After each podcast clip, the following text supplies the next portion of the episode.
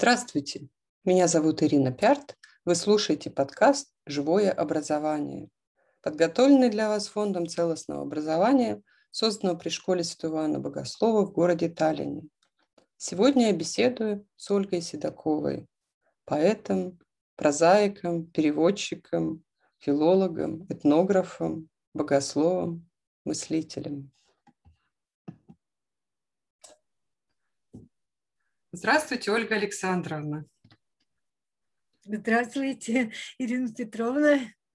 Я очень рада, что вы согласились побеседовать э, с нами, и э, я уверена, что э, нашим слушателям будет очень интересно э, услышать от вас э, вот о таких темах, как детство и возраст человека, и я бы хотела начать эм, с вопроса о золотом детстве. Вот вы пишете, что золотое детство до пяти лет ребенок э, свободен, и потом вот это все кончается, и наступают такие непримечательные школьные годы. То есть что происходит, когда э, заканчивается это золотое детство, и э, с чем связано то, что вот школьные годы часто описываются так э, негативно, то есть это конформизм или что-то другое. Да, вы знаете, само то, что я пишу о детстве, вот э, в этой прозе «Похвала поэзии», как о э, самом счастливом времени, для современности это э, довольно, как бы, так сказать, тема непривычная и вызывающая недоверие, потому что теперь из-за психологии, после фрейдовской, а, в детстве, в раннем детстве ищут травмы. И в основном о раннем детстве э,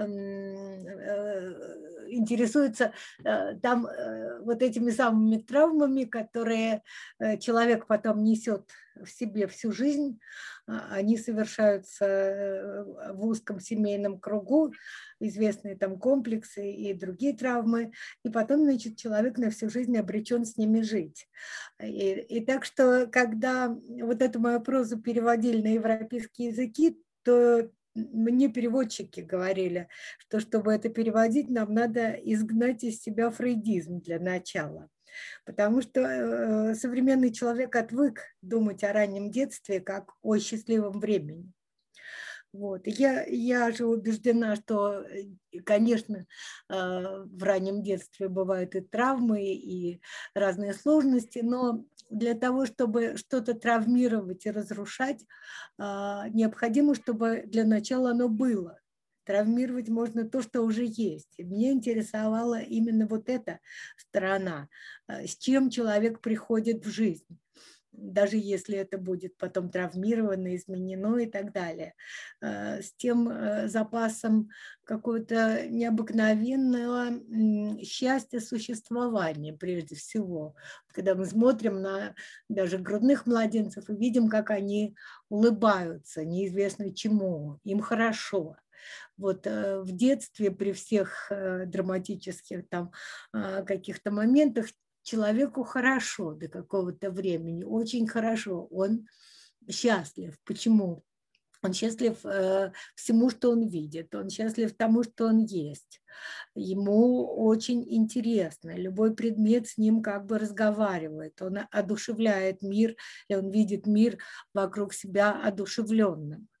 А, вот. И продолжается это, э, можно назвать младенчество, ну, лет до шести, в общем, до начала школьных лет. И здесь происходит довольно резкий перелом. А, как его можно описать? Ну, конечно, самое простое – это социализация, что ребенок из очень замкнутого мира родных людей попадает в совершенно другое пространство, уже построенное по законам общества, социума, где все по-другому, где он не единственное любимое дитя, а один среди множества. Э, должен выполнять какие-то правила и, и, и так далее. Э, и это процесс э, трудный и требует от многого отказаться человека, чтобы соответствовать этому принятому. Но еще более серьезно вот что мой друг покойный Владимир Вениаминович Бибихин, философ, он сказал, что наша цивилизация переламывает хребет детства он имел в виду не вот это включение в социум, не а, обучение правилам поведения, э, соответствия и так далее, а то, что мир, которого ему начинают, которого ребенка начинают учить, это совсем не, то, не тот мир, который он представлял себе до этого. А, потому что картина мира у ребенка э, это какая-то э, картина больше похожая на древние легенды, на мифы. Это все совсем по-другому. И вдруг ему дают такую довольно жестокую механическую картину мира, где все по-другому, где есть там круговорот воды в природе, где есть какие-то э, физические, химические законы, где, конечно, э, вещи, э, предметы, животные с ним не разговаривают, как это ему казалось и так далее.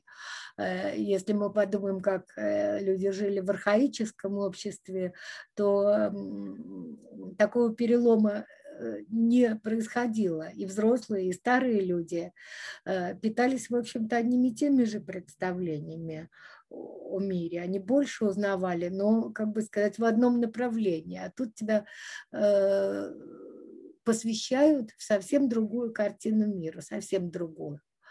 Вот. И, и поэтому многое то, что ты думал или чувствовал раньше, э, оказывается как бы неправильным, детским, потому что ребенку ведь хочется расти, совсем не, не хочет э, дорожить своим прошлым, как э, взрослые старые люди. Вовсе нет, ему хочется идти вперед, а впереди, впереди у него вот что. А то, что было сзади, он охотно забывает что это все были ошибки какие-то детские, глупые представления, а вот теперь он узнает, как все правильно. А, вот. И поэтому я думаю, что раннее детство, вот, которое я больше всего-то и люблю, его немного кто помнит.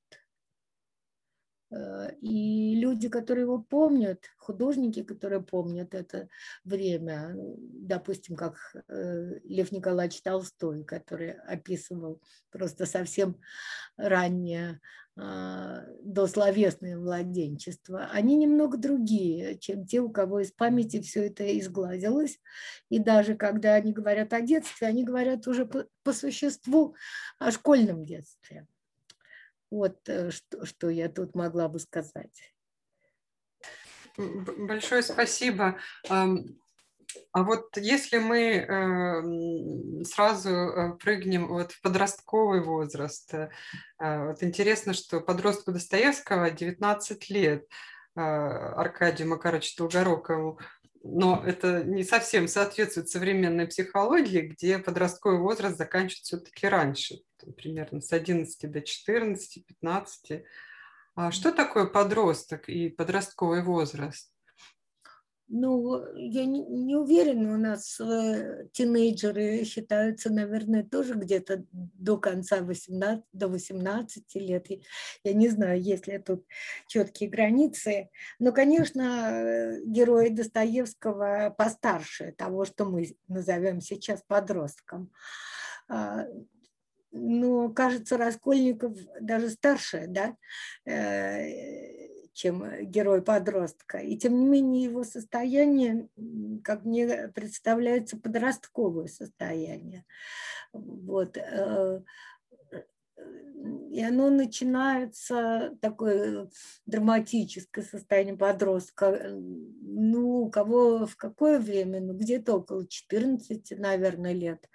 Э, вот. И в чем здесь так, главная трудность. Э, это время, когда человек, я так думаю, я не психолог, э, психологи, наверное, это описывают э, как-нибудь точно и профессионально, но по моим наблюдениям это момент, когда человек знакомится с самим собой, с самим собой, как, скорее всего, чужими глазами как он выглядит для других.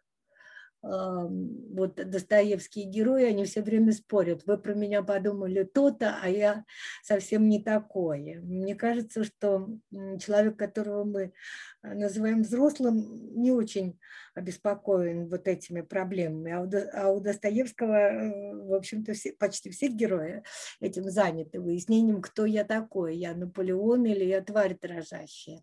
Вот это такое знакомство с собой, э, установление своего статуса, кто я такой. А, но вот э, не изнутри, как это ребенок делал. У него ведь не было таких проблем.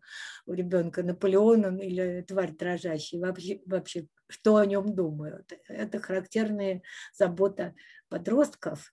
Э, вот. А, и, и э, человек думает о себе, как, как он выглядит глазами других. И вот здесь начинаются всякие всяческие драмы, что я не хочу быть таким, как как от меня хотят, я совсем другой. А, хотя какой другой, это совершенно он сам еще не знает. Ему хочется чего-то не такого что, как ему кажется, все от него требуют. Это время отчуждения, отчуждения, как правило, в семье, вот у Достоевского это еще как бы усугубляется тем, что э, герой подростка, он еще, у него, э, и он человек без корней в семейном смысле, он, э, у него отношения с, с отцом такие сложные, просто биографические, но и в, во вполне благополучных семьях, где отец и мать на месте, у подростка возникает с ними какой-то конфликт, конфликт и своего рода побег из дома, что э, мне, мне не важно, что вы мои э, родители, я, может быть, вообще э, откуда-то из другого места. Знаете, у Пастернака есть мать не мать и дом чужбина. Вот такое вот ощущение подростковое. Желание освободиться а, а, от э, вот этой наличности, желание независимости, он начинает себя чувствовать зависимым и не хочет этого.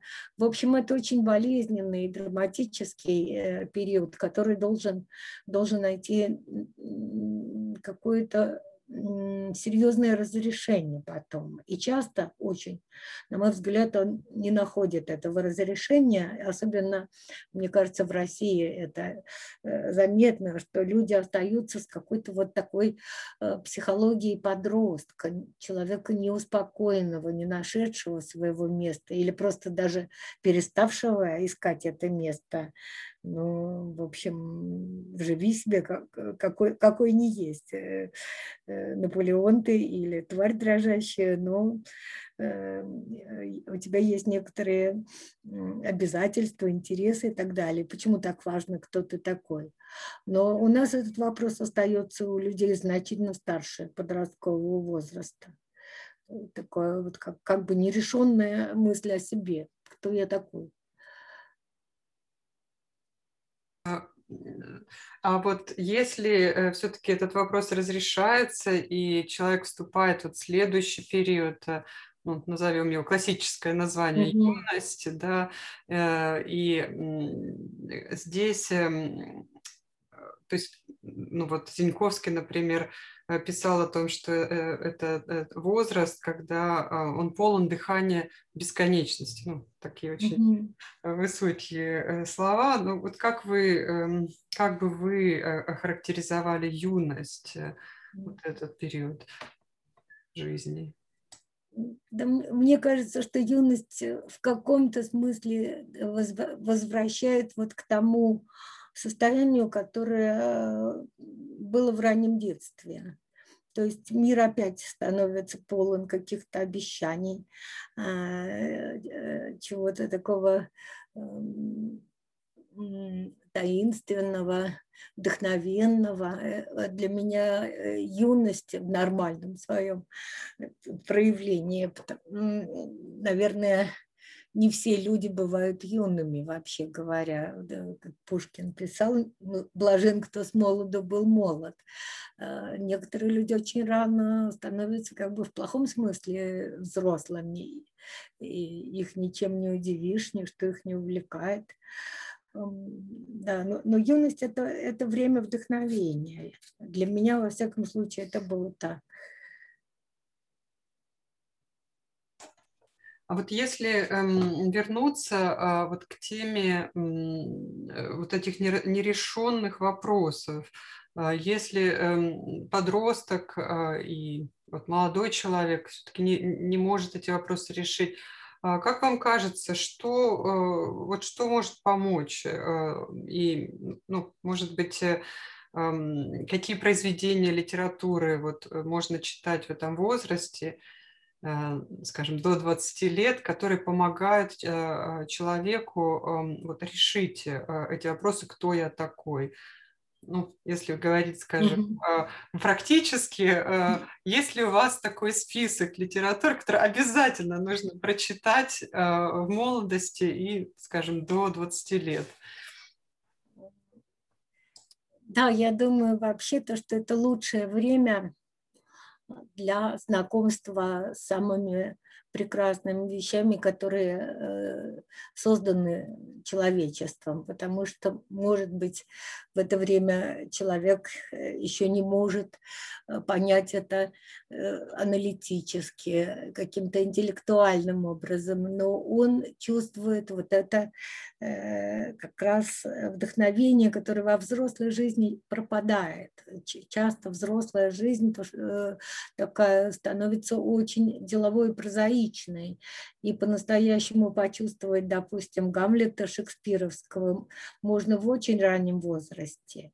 Я не, никак бы не хотела, чтобы э, подростки читали о подростках, хотя наверняка есть такие хорошие книги и такого, такого рода, наверное. Но мне кажется, что лучше от этой мысли человека просто отвлечь чтобы он увидел, что есть э, какие-то более серьезные вообще-то вещи, более увлекательные, чем без конца выяснять, уважают меня или нет, и я, есть ли во мне что-то великое и так далее.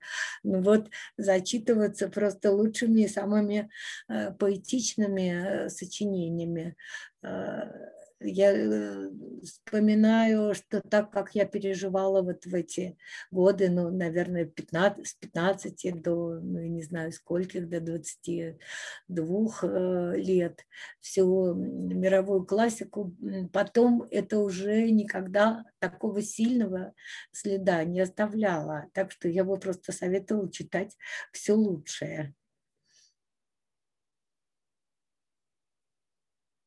Да, это э, самый лучший критерий. Все лучше мировой классики.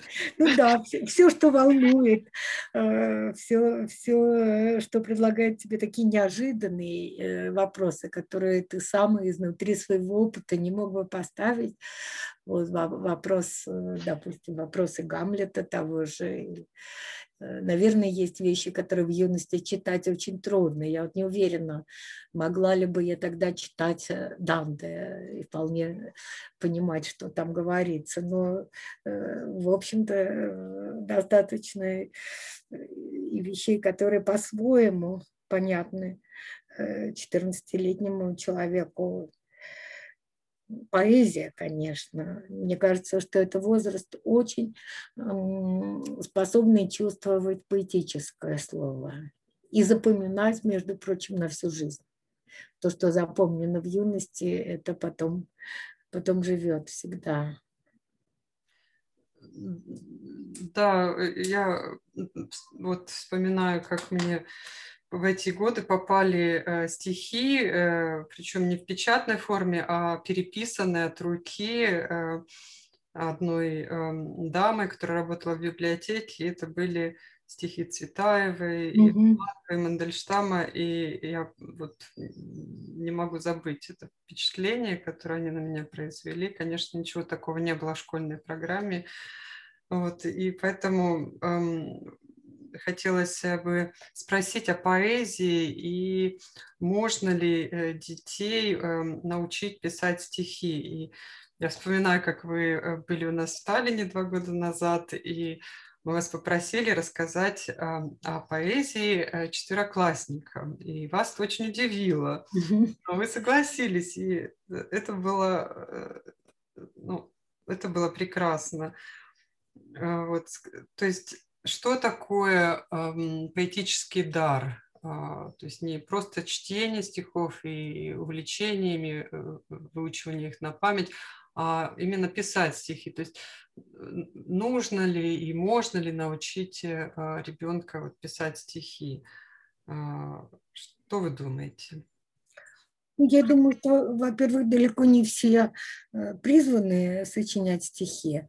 Поэтому если заниматься с какими-то детьми сочинением стихов, то, э, конечно, с теми, кто уже сам это делает. Вот если они уже что-то сочиняют, то тогда э, можно разбирать эти сочинения и что-то советовать. Вот. Но если одаренности нет, то я думаю, что незачем и пробовать э, учить писать стихи. Ну, а Другое если... дело, как, как это определить, потому что некоторые люди довольно поздно начинают э, писать э, стихи, которые сами они признают э, как бы своими, настоящими. Вот есть у нас такой поэт Иван Жданов. Э, он давно как-то не появляется публично, но это очень интересный поэт. Э, он родился на Алтае, приехал в Москву уже учиться в университете. И он вдруг стал писать стихи вот примерно в студенческом возрасте никогда, он рассказывал, что никогда в детстве ему не приходило в голову сочинять стихи, или, может быть, он забыл. Вот. И сразу стал писать э, замечательно. Вот. Так что, если он э, не сочинял там в 10 лет или в 15, это еще ничего не значит. И наоборот, да, если... Да, и наоборот. Дети... Наоборот, есть известный такой феномен детского творчества, э, ну, он больше проявляется, наверное, э, в рисунках детей. Рисунки детей все любят. Э, в общем, дети редко плохо рисуют. Если, если их не заставляют копировать там или какие-то задания исполнять, если они рисуют свободно, то обычно это получается замечательно. Вот эта непосредственность детского отношения отношение к к цвету, к пространству листа, это всегда восхищает. Но никто из них не будет потом художниками, потому что это уже совсем другое дело. Вот. В словесности редко такое бывает, чтобы человек был вундеркиндом э, поэтом в детстве, а потом э, стал каким-то таким заурядным поэтом. Нет, потому что э, ну, чаще всего детские стихи, и это нормально, стихи школьников, они подражательные, они кому-то подражают, потому что через подражание усваивается сама эта возможность говорить стихами. Вот. Но никаких они при этом великих открытий обычно не совершают. Ну, может быть, э, эм, э, я имела в виду э, писание стихов как, как возможность понять лучше, что такое поэтическое слово. Вот, и я знаю, например, в Англии есть такое Э, движение э, учить писать стихи э, детей мигрантов. Вот они приезжают, совершенно плохо mm-hmm. знают английский язык, и им показывают какие-то стихи, написанные поэтами, достаточно простые, но отражающие какие-то очень глубокие чувства. И вот эти дети начинают писать совершенно замечательные стихи, на мой взгляд, ну, неожиданно. Mm-hmm. Вот, и вот меня это очень вдохновило, то есть мне показалось, что это тоже эм, такой педагогический метод. Угу. Но, да, наверное, наверное, сейчас, знаете, э, может быть, это гораздо проще, потому что до какого-то времени стихи писали в строгих формах. Нужно было там уметь рифмовать, соблюдать размер. Поэтому э, те, кто вот, э, э начинал писать такой поэзию, у них и получалось вначале э, подражательно. Но теперь основная форма – это верлибр. И поэтому, наверное, ребенок и даже человек еще совсем слабо знающий язык может написать очень интересно. Э, просто теперь другая ситуация э, с верлибром, со свободным стихом. Да, да, это именно свободный стих. Mm-hmm. Ну, вот э, если мы перейдем от стихов к прозе, я с удивлением прочитала в, в похвале поэзии, что ваши родители были испуганы вашей неспособностью выражать мысли. Mm-hmm. Конечно, в это очень трудно поверить, э, но э, гениальный э, такой эм, родительский педагогический ход заставить вас пересказывать книги. То есть, мне кажется, мы можем тоже взять это на заметку, хотя, наверное, не все это могут. Я часто слышу, э, вот что сегодня не только, в общем, у детей, но, но и у взрослых а, вот это владение связанной речью, умение выражать свои мысли а, становится ну, не то чтобы атрофированным, но очень плохо развитым. И вот мне интересно, с, с чем это связано и, в общем, нужно ли всем, как вашим родителям, теперь пересказывать книги? Что вы думаете об этом? Ну, о том, что с языком происходит в современном обществе много каких-то неприятных приключений, это все замечают. А, вот, и людям становится лень, видимо, строить какие-то фразы э, связанные, выражаются почти жестами, особенно в молодежной среде. Э, ну, я не вижу в этом большой, большой драмы. А,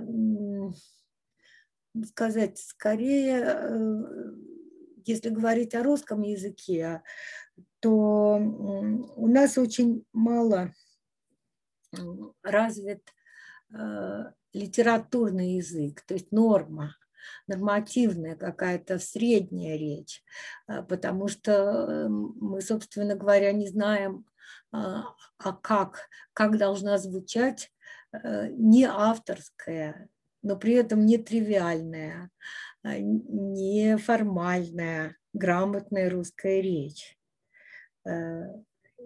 и она должна как-то постепенно вырабатываться. Между прочим, я думаю, что э, связи по интернету э, очень способствуют выработке вот этого литературного языка. Э, вот язык э, Фейсбука, переписок таких, он как бы соединяет в себе э, свойства устной речи, потому что это пишется очень быстро, должно писаться такие сообщения, и пишется какому-то вполне реальному адресату. Вот старый писатель, он, значит, достает бумагу и пишет начало романа, которое это не письмо, это никому прямо не обращено. Он э, несколько в таком э, такой камере обскоре сидит, и это отражается на языке литературном, которым он пишет. Это язык, не имеющий в виду непосредственного адресата, потому что адресату ты не будешь писать «солнце светило» э, и так далее, со всеми вот этими тоскливыми подробностями. Не так люди общаются в жизни. И вот мне кажется, что, может быть, это быстрое общение – письменное в электронных э, э, ресурсах, а оно способствует как раз развитию живого литературного языка. Это неожиданно, э, Александровна, от вас услышать, но я знаю, что вы пишете в Фейсбуке и с большим интересом это читаю. А, а вот вы часто пишете, что ребенку и, ну, в общем, человеку вообще очень важно чувствовать себя любимым и уважаемым.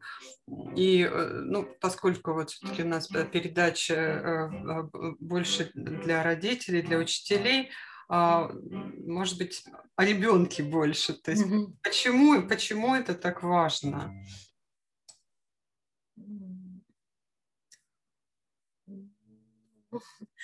Знаете, если вспомнить Ахматову, э, она пишет не о ребенке, но э, столько просьб у любимой всегда, у разлюбленной просьб не бывает. Вот это речь идет об отношениях взрослых людей. Но тем не менее э, у существа человеческого, которое не чувствует ни любви к себе, ни интереса. Интерес это тоже очень важно, не только любовь и уважение, но интерес, что ты кому-то интересен, что тебя чего-то ждут. Вот это для меня это очень важное отношение. И я с детства помню э, людей, которые меня привлекали, взрослых, именно тем, что им было интересно. А что ты на это скажешь? А что ты вот про это думаешь? Да, то, конечно, и это э, тот климат душевный, в котором человек э, может сделать больше, чем э, без этого. Это, это ну, собственно говоря, то, что дает возможность э, общения с другим, человеческого общения. То, чего лишен одинокий. Бывают такие нелюдимые, одинокие, даже, может быть, гении, но на них всегда есть вот эта печать нелюбимости.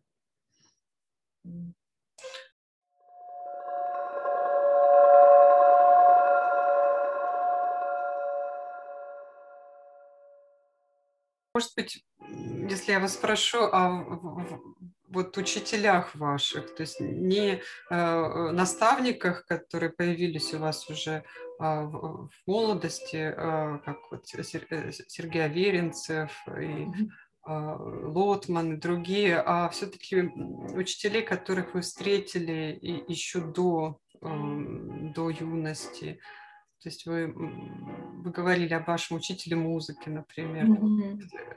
Что этот э, человек, этот учитель э, вам дал, вот если кратко, конечно, mm-hmm. наверное. Да, знаете, я, конечно, так, э, глядя назад, думаю, что я была необычайно счастлива в людях, которые мне что-то преподавали. И, наверное, это произошло с самого начала. У меня все время оказывались какие-нибудь редкостные учителя, учителя по разным предметам. Вот. И, э, конечно, вот в младшей, в средней школе это для меня был прежде всего мой учитель фортепиано Михаил Григорьевич Ерохин. Он потом э, играл в дуэте со, со скрипачом Ой, господи, как же его фамилия знаменитый такой был скрипач. Он давно исчез, э, к сожалению, из моего внимания, и я не знаю, что он сейчас делает. Давным-давно уже не знаю. Вот. Э, ну, он э, его сделал моим учителем просто, можно сказать, его невезение, потому что как раз это была трудная полоса его жизни, когда он не мог э, найти себе лучшего применения и давал уроки э, детям, э, совсем не обязательно, особенно талантливым, просто чтобы как-то заработать на жизнь. Я была вот среди таких детей. И он сам кончил музыкальную школу, центральную музыкальную школу, э, когда еще там был э, жив э, и этим всем занимался Нигаус. И он в себе нес, потом я встретила других людей, его друзей, которые... И поняла, что это был общий дух. Но тогда он был первым человеком, которого я встретила таким. Что это был дух того образования. Оно было не только музыкальным, оно было общегуманитарным, потому что он был великий знаток поэзии. От него я узнала не от учителей литературы, а от учителя фортепиано я узнала многие стихи, потому что он их читал мне, чтобы объяснить, как исполнить какую-то пьеску. Он мне говорил, а вот знаешь, а, у Рильки есть такое стихотворение – и доставал э, томик Рильки на немецком и дословно мне переводил, что там было. Я помню, что вот это было потрясение моей жизни, в каком-то смысле такой роковой момент, когда я впервые услышала, что бывают такие стихи, как у Рильки. А, это он мне читал. А, вот. И он э, прекрасно знал живопись и давал мне такие задания, чтобы, говорил, чтобы вот сыграть вот это вот, а, нужно пойти в музей и посмотреть вот такую-то картину. Но благо в Москве это было вполне э, возможно пойти в Пушкинский музей э, или в Третьяковку. Вот. И он был первым человеком, который приучил меня глядеть на живопись тоже. Вот. Так что узнал я от него бесконечно много. Э, и, и главное, что вот это общее чувство искусства, которое одно и то же в разных его видах, и в живописи, и в музыке, и в поэзии, э, то, чего совершенно не было в официальном советском искусстве, э, то есть оно называлось искусством, но оно было как бы антихудожественным потому что вот э, если почувствуешь дух свободного художества, э, глубокого, которое, в общем, находится в каких-то сложных отношениях с миром, то вот эти все соцреалистические вещи просто невозможно принимать всерьез. Вот. И поскольку дома мои родители не были гуманитарно образованными людьми, они э, инженерного образования, вот, они бы не могли э, мне вот этого всего сообщить. Это был Михаил Григорьевич. Да, и, э, каким-то значит, косвенным образом вся та атмосфера, которую создавал Генрих Нигаус, то есть какая-то своего рода преемственность в этом была. Вот. Также потом, когда мы с ним перестали уже заниматься, у меня никогда не было самолюбия такого музыкального, чтобы я собиралась э, стать каким-нибудь там пианистом, исполнителем, совершенно нет. И он это понимал, что у меня другая задача, э, что мне хочется просто с этим познакомиться как следует, насколько можно. Вот. И потом, когда у него, да, я вспомнила, Виктор Третьяков скрипач был, с ним у него был дуэт. И он, когда он нашел себе вот это место в жизни, э, э, концертировать, то он уже не мог часто бывать на уроках и познакомил меня со своим другом, который тоже кончал эту школу, Владимир Иванович Хвостин. А, вот. Их, а Владимир Иванович был э, знаком э, с Юдиной Марией Вениаминовной. И вот тоже интересно, он мне давал читать э, книги, которые читала Юдина с ее пометками на полях. Саму Юдину я видела, э, наверное, два раза в жизни издалека, мы никогда не знакомились. Вот. Но можно себе представить, а, какое это тогда тоже в том окружении советском какое-то произвело на меня впечатление такой человек, как э, Мария Вениаминовна Юдина. Вот. Так что каждый из этих э, э, встреченных мне учителей а, еще к тому же нес в себе какую-то традицию, вот эту точечную, совершенно нить, нить, тонкую нить традиции от человека к человеку. И вот в том э, сиротском, в общем-то, обществе, у которого не было связи с настоящим хорошим прошлым э, в советской культуре, вот это было удивительно, такие продолжающиеся э, нитки традиции, очень тонкие. Ольга Александровна, э, это очень интересно, и я обязательно почитаю о Генрихе Нейгаусе, об этой школе. А, и вот только если, может быть, вы э, помните, какие именно книги вам, э, книги, которые читала Юдина, вот какие вам книги давали читать? А, да, вы знаете, э, например, перепечатку да, там часто бывала и самоздатская литература тоже, э, какие-нибудь машинописи, но это я уже была взрослая, это уже не, не в средней школе, это первые курсы университета. Вот. Были проповеди владыки Антония Сурожского, с ее пометками на полях. В общем, в основном э, литература э, религиозная, да, духов, духовная литература. Э, от нее приходил Владимир Иванович, а, а от него ко мне. А, а это было эм, ваше первое знакомство с духовной литературой?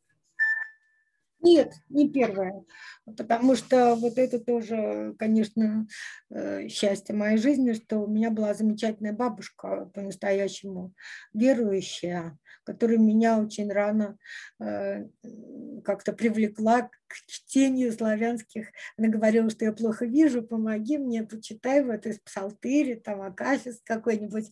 И я научилась очень рано читать славянские буквы и э, читала ей вслух. Она, конечно, могла и сама, это было просто она так придумала, чтобы я быстрее научилась.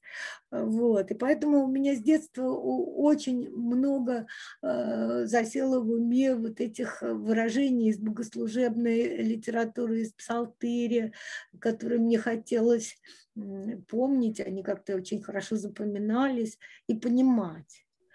Вот, и в конце концов из этого э, сложился словарь церковно-славянский, который я составила. Вот он только что у нас была презентация, вышло третье издание этого словаря. Прекрасное издание, лучше первых двух. Mm. Вот. И это потому, что я с детства э, многие из этих слов, как бы сказать, они, они со мной жили и все время задавали вопрос, а что это значит?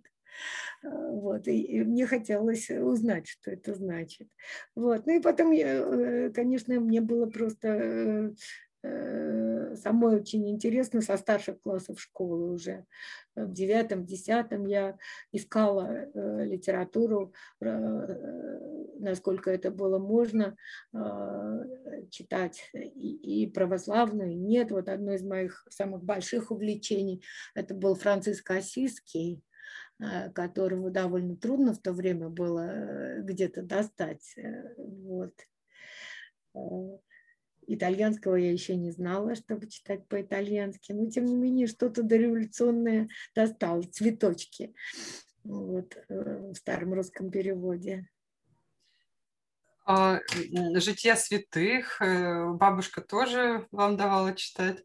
Да, да, у нее было много книг, э, у нее были такие тетрадки замечательные, в которые она переписывала э, акафисты, которые ей особенно нравились, э, каноны, вот, богослужебные такие сочинения. Ольга Александровна, бабушка вас водила в церковь тоже? Редко. Она меня брала, но очень редко. Она и сама не так уж часто туда ходила. Я бы сказала, что, наверное, в основном большие праздники. Было э, близко храмов не было, надо, это была целая поездка куда-то поехать э, в храм. Ну, вы в церковь пришли уже э, вот, сами во взрослом возрасте, то есть стали ходить в храм?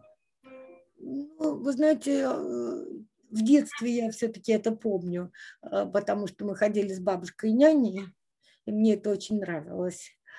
В школе, поскольку учили сразу вот этой атеистической картине мира, я как-то незаметно для себя, не то чтобы я поверила, но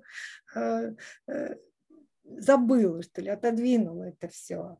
И я помню такую сцену, как у нас обсуждали мальчика в школе, наверное, во втором классе, третьем, а, за то, что его а, приметили, когда он, наверное, в воскресенье шел с вербочкой. И все гневно его осуждали, что вот он такими вещами плохими занимается.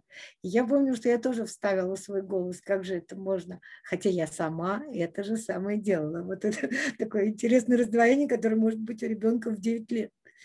Э, вот.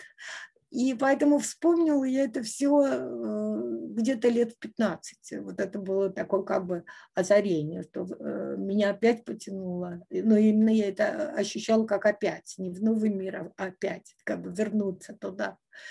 Вот. И я стала потихонечку больше-больше втягиваться в эту, собственно говоря, приходскую жизнь. Ольга Александровна, я хотела бы тогда, ну, может быть, вот в связи с, с этой темой э, э, духовного э, такого воспитания и поскольку вот вы, э, я не знаю, вы были знакомы с э, отцом Сафронием Сахаром, э, теперь уже святым. Да. Нет, вы знаете, я не была с ним знакома, но у меня была книга им подписанная. Так получилось, что я была в Англии впервые, меня пригласили там выступать со стихами, и англичане, которые меня опекали, спросили, чего вам хочется. Может, у вас есть какая-нибудь книжка, которая вам хочется здесь. Мы бы ее вам достали. Я говорю, у меня есть книжка, я знаю, что вот есть такой э, э, Сафроний, и что недавно вышла его книжка. Э, вот. Но я боюсь, что это достать трудно, потому что это где-то в каком-то монастыре в глуши. Они говорят, завтра будет у вас, то есть не завтра, а там через пару дней у вас эта книга будет, я обещаю, сказал англичанин, который со мной был. И действительно по почте пришла эта книга с его надписью и приглашением в монастырь. Вот. Книгу эту давно у меня зачитали, надо сказать. А, посетить монастырь я не могла, потому что я там должна была уже э, через день возвращаться в Москву. Потом я, когда я оказалась в монастыре, а, то было как раз 9 месяцев со дня кончины. Сафрония. И там была такая служба особая его памяти. Вот, так что живым я его не увидела. И вы э, только один раз туда, туда попали, да, когда э, отец Афроний умер? Да, но я там целую неделю прожила. Э, меня туда взяла э, одна известная славистка английская, когда я тоже была у нее в университете, какую-то лекцию должна была там читать или стихи. И она говорит, а вы не хотите поехать со мной вот в этот монастырь? Оказалось, что она, даже не принимая православие, она осталась англиканкой, но тем не менее у нее там были как бы даже нельзя сказать духовные отцы, а советчики. Она ездила со своими э, душевными трудностями к вот этим монахам. А, и она меня взяла с собой. И там я познакомилась с насильниками и поросила. А я тогда была э, в Англии, наверное, полгода, э, целый пол учебного года меня пригласили, я была poet in residence. Вот, и поэтому я попросилась к ним э, великим постом пожить. И вот и неделю я там провела. Так что видела, как там все это происходит, участвовала как могла.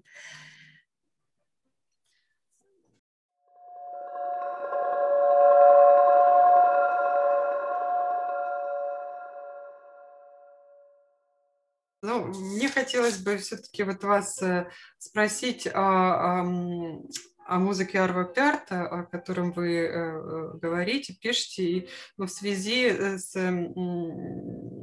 интересным выражением, которое я нашла в вашем интервью, в беседе с Патриком Делабье, вот вы говорите о том, что искусство и вера невозможны без новизны. Но многие формы современного искусства, ну, вот как вы пишете, скачут и гримасничают перед зрителем и читателем. Очень мне понравилось это выражение. И э, вы пишете, что э, ничто так не ново сейчас, как тишина и серьезность.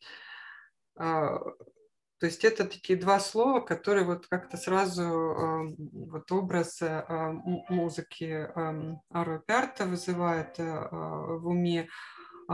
Что стоит за этими определениями?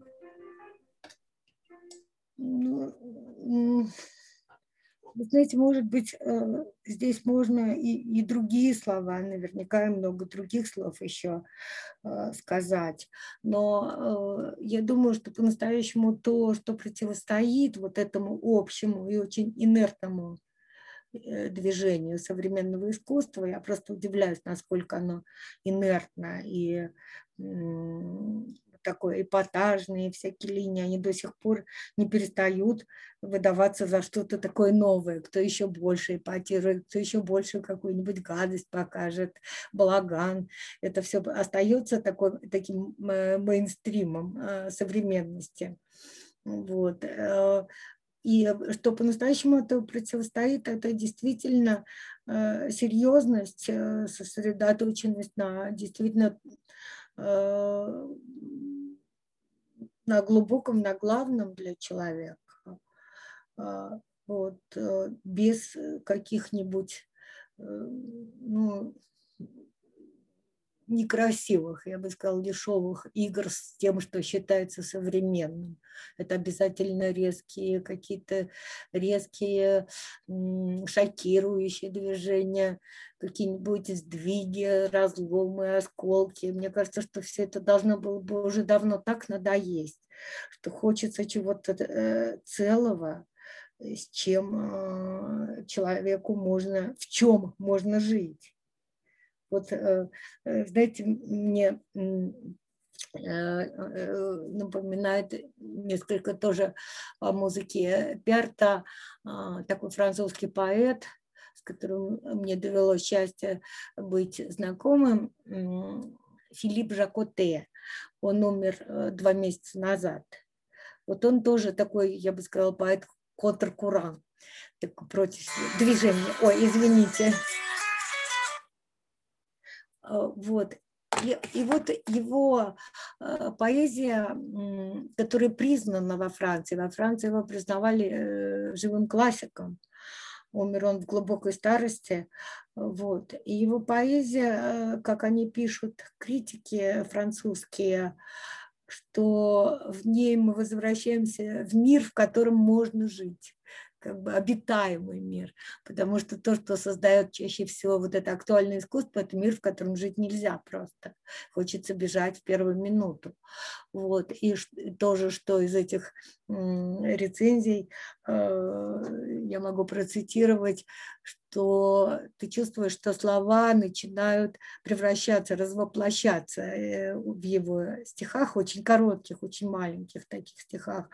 А, и становиться как улыбка или как свет, а уже не такое вот, как бы сказать, называние конкретных вещей. И вот э, я, когда его читаю, я пробовала его переводить на русский. Это очень трудно.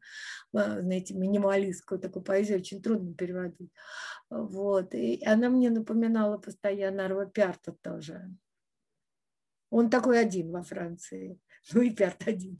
Вот таки, таких э, художников очень мало, очень. А если можно спросить, когда вы вот впервые услышали музыку Пярта?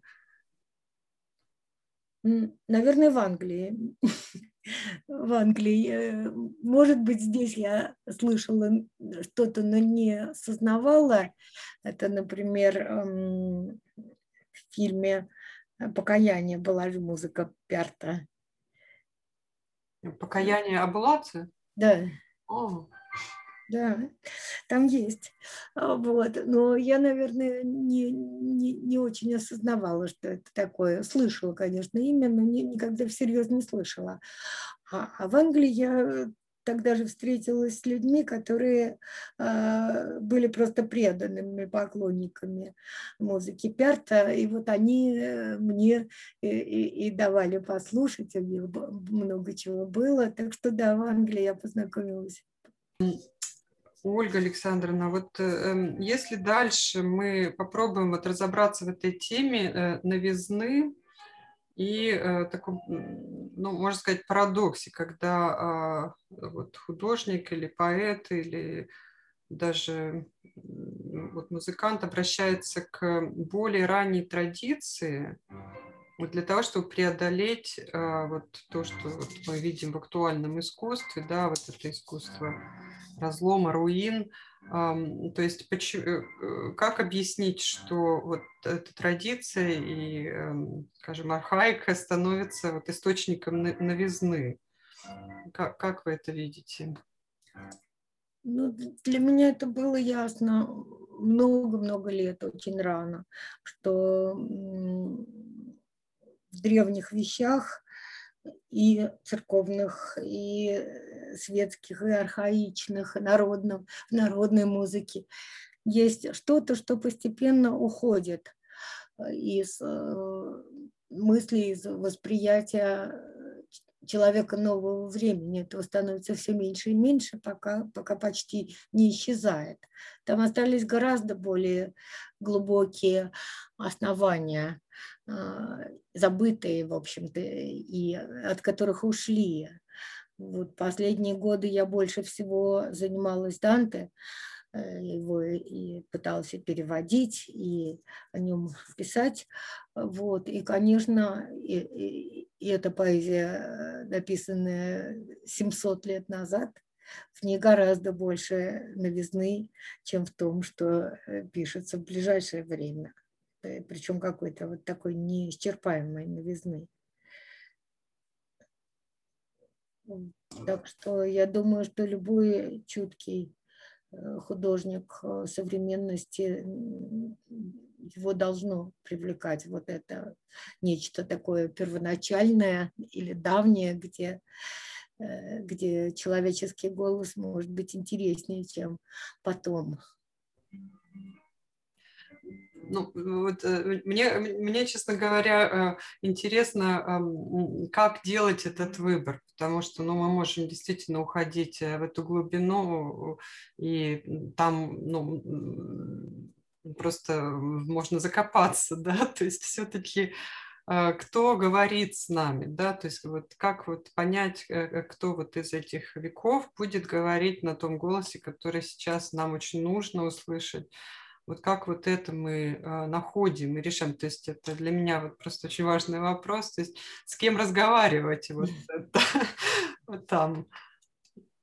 Ну, знаете, я не думаю, что э, тот, кто э, любит вот такого рода искусство, оно даже часто не называется еще искусством, вот такого нет выделенного а, эстетического пространства, ну или чему-нибудь служит. А, ну, никогда не будет просто переносить механически вот э, язык этого искусства, его образность в современность. Это было бы нелепо. Он там черпает не образы, не, не формы какие-то готовые, а какую-то саму интенцию. Вот. Ну, например, вот мы читаем псалтырь, если э, слышать псалмы как поэзию, то это поэзия действительно, которая исходит из глубины, de profundis, как говорится, из глубины возвах. То есть, глядя на эти вещи, наверное, нужно обнаружить в себе такую глубину и говорить э, не э, тем, что ты только что услышал, а вот из глубины. Знаете, я была знакома с такой замечательной художницей Татьяной Александровной Шевченко. Она была дочка Александра Шевченко, нашего художника, которого называют русским Сезанном. Она была замечательная сама художница. Вот. И она про кого-то сказала, он говорит ушами. Я, я так удивилась, говорю, как это так? Ну вот то, что услышал, то, то и говорит. И действительно, большинство людей вот в этом э, публичном пространстве, они именно оттуда и разговаривают. В одно ухо влетело, в другое вылетело. Повторяются какие-то готовые, э, э, некритично воспринятые вещи. Вот. А, а вот это древнее искусство, оно как раз, я думаю, заставляет э, услышать э, глубину. Если ее нет, если ты не чувствуешь, что в тебе глубина не говорит, то и не надо, не надо ничего говорить, потому что на свете так уже много всего создано. большое спасибо. Вот я думаю, что, может быть, мы сейчас будем эм, двигаться уже ближе к концу, и в конце вот тоже очень большой вопрос, да, такой. Э, вы пишете в эссе «Посредственность как социальная опасность». Э, о том вообще, что такое посредственность. Это не э, человек, которому там не дано да, каких-то дарований, а это такой человек манипулируемый, настаивающий на герметизации мира, который панически боится реальности. Ну, в общем, страшный портрет. Mm-hmm. Вот. А, и там же где-то, между прочим, вы пишете о том, что искусство можно назвать расширением сердца.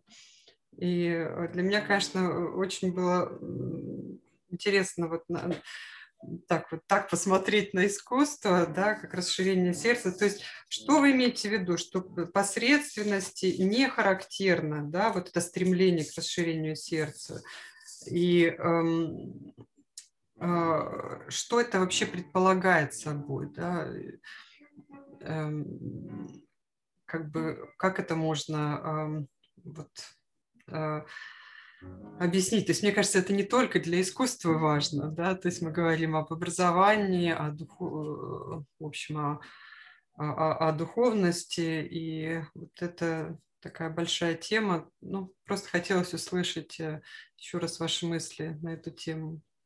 Ну, знаете, это э, очень трудно как-то словами объяснить э, и описать, и тем более какие-то рецепты найти, как это расширить. Обычно это э, с человеком случается, например, э, вдруг он переживает что-то, что до этого он себя ощущает, что вот, он как будто бы не видел, не слышал. Вдруг ему открылось то, что ему э, было совершенно невнятно.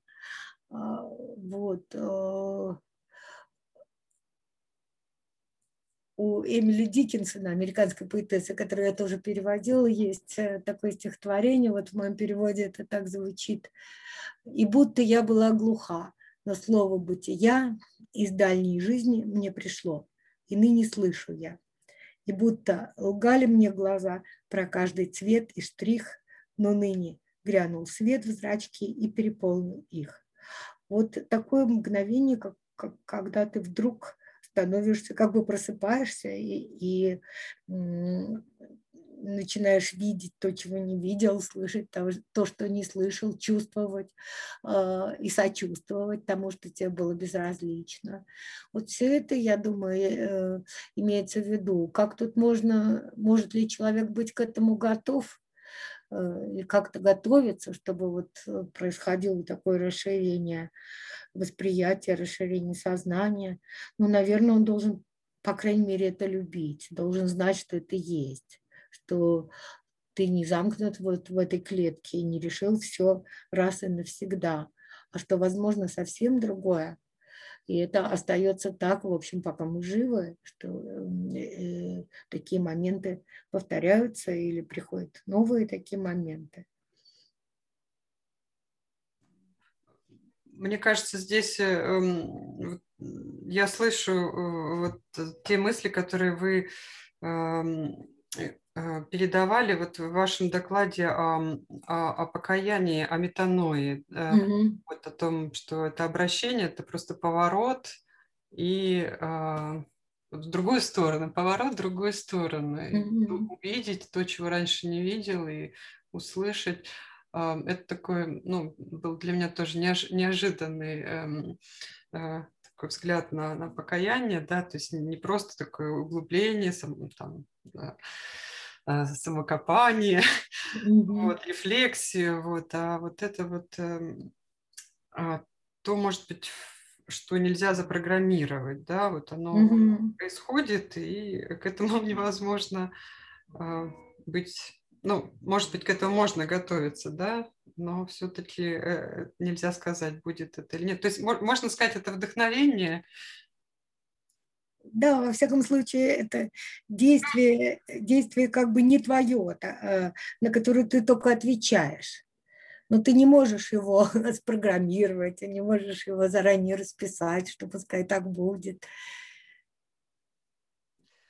Ну, я все-таки э, э, продолжу, потому что мне кажется, здесь э, опасность э, вот между двумя пониманиями э, творчества. Одно это, что это вот все только вот, вот, вот результат вдохновения и вот такой э, дар Божий, а, а в общем работы, ну, ну это, это, это это, это совсем не так важно. Но на самом деле, и вот глядя на вас, и, и на, на других, и вот на Арву, я вижу, э, Арву Пярт, как а, напряженно работает а, художник, который, может быть, не работает над чем-то конкретным или даже над ним работает, но в конце концов это совсем может быть другое.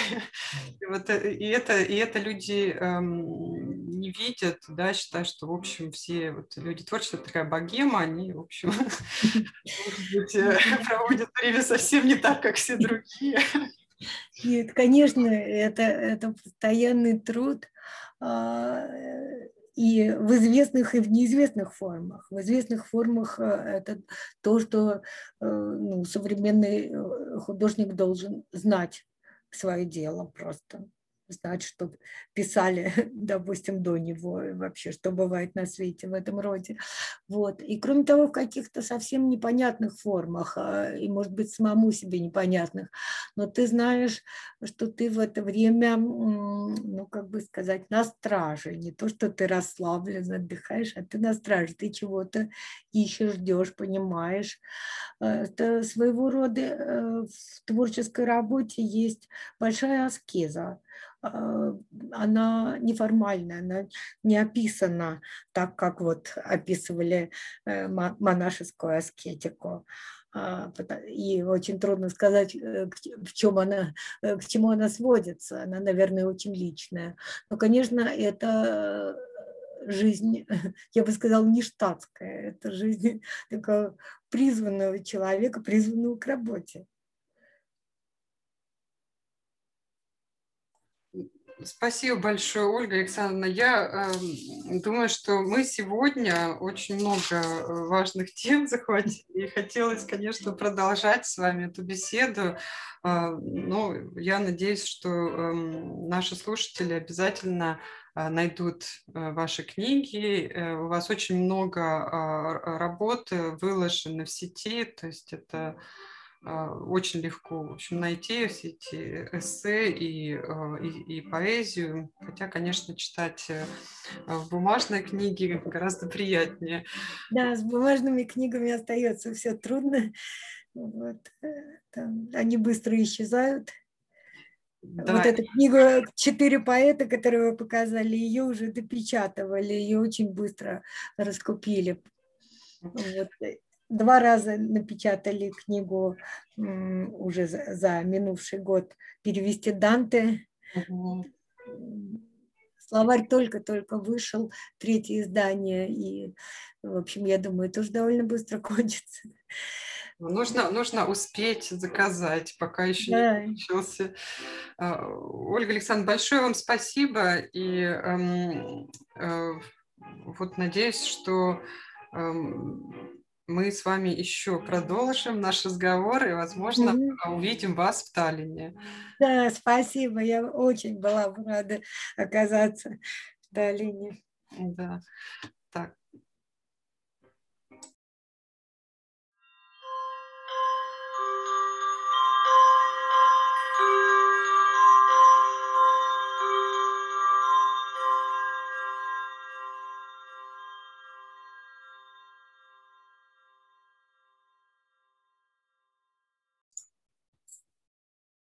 В этом эпизоде подкаста «Живое образование» мы упоминали новые книги Ольги Седоковой «Перевести Данте», «Четыре поэта», а также третье издание словаря трудных слов из богослужения. И в конце я хочу обратиться к вам э, с просьбой. Школа Святого Иоанна Богослова в Таллине нуждается в вашей помощи. 350 детей и около 80 учителей ждут нового здания, на строительство которого объявлен сбор средств. Сделать пожертвование можно по ссылке pjk.ii или по-эстонски pjk.ee. Там можно выбрать язык и нажать кнопку пожертвования. Заранее вам благодарны. До свидания.